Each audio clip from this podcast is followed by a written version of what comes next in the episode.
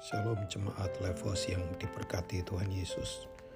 2 1 Timotius pasal yang ketujuh berkata, Sebab Allah memberikan kepada kita bukan roh ketakutan, melainkan roh yang membangkitkan kekuatan, kasih, dan ketertiban.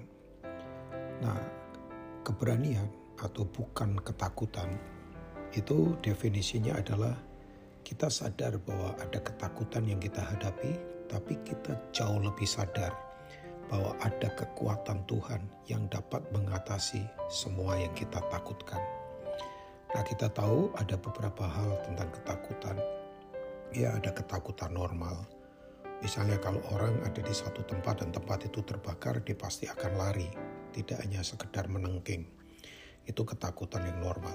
Nah, ketakutan seperti ini kita perlu terus uh, pelihara karena itu membuat kita tetap kuat ya, menghadapi semua hal yang terjadi di sekitar kita. Tapi ada ketakutan kedua yang disebut dengan tormenting fear. Ini ketakutan yang tidak wajar, ketakutan yang menyiksa. Nah, ketakutan ini berasal dari kuasa kegelapan. Ya, ada orang yang kemudian takut tentang hari esok, ya, kemudian berpikirnya aneh-aneh.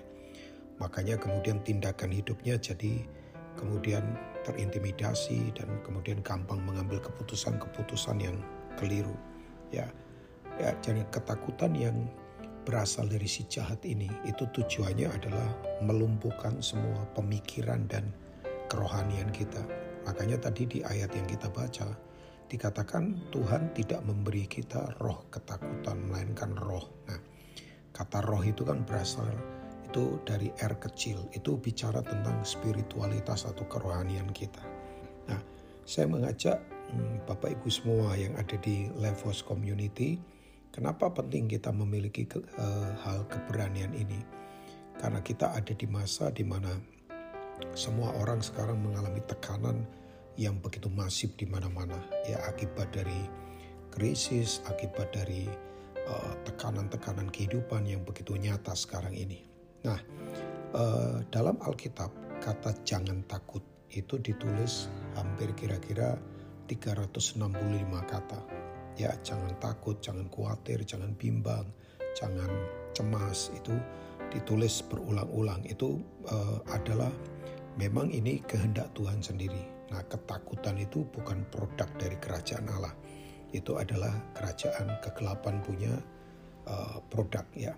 Nah, saya dorong Bapak Ibu semua, ya ciri orang yang pemberani adalah ya yang pertama dia harus punya keberanian untuk percaya.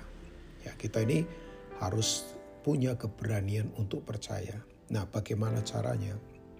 Kita harus terus membangun kemelekatan kita atau keintiman kita yang kuat dengan Tuhan. Ya, kata uh, tahu ya bahwa persekutuan kita ya kita punya pengetahuan yang kuat tentang Tuhan. Ya kata tahu itu berasal dari kata kinosko yaitu terjemahan atau bahasa Yunani tapi dalam bahasa Ibrani-nya adalah yadah. Yadah itu uh, keintiman seperti hubungan suami istri.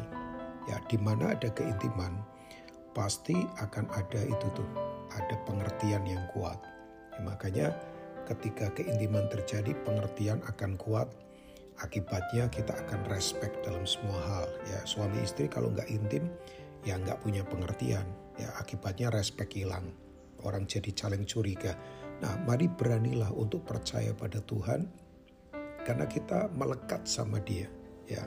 Saya kasih contoh misalnya seorang Daud waktu dia mengalahkan Goliat yang tingginya di atas 3 meter, 3,20 bayangkan. Itu menurut saya pertempuran Daud dan Goliat, pertempuran yang sangat cepat. Ya, Goliat baru ngumpat-ngumpat memaki-memaki, tiba-tiba batu kena ke dahinya, dia roboh. Daud kemudian lari, potong uh, kepalanya dan kemudian angkat kepala yang terpotong itu sangat cepat sekali. Nah, orang pikir Daud ini nekat, padahal enggak. Daud ini adalah orang yang punya kemelekatan atau persekutuan yang intim dengan Tuhan. Makanya dia tahu bahwa Tuhan bisa bertindak di atas logika, di luar semua platform kita, di luar semua perhitungan kita. Saya yakin hari-hari ini Tuhan akan bertindak dalam hidup kita. di luar semua pengertian kita, di luar semua apa platform kita, di luar semua perhitungan kita. Karena dia adalah Tuhan yang memang luar biasa. Mari miliki keberanian Bapak Ibu semua yang ada di Life House Community. Tuhan Yesus memberkati.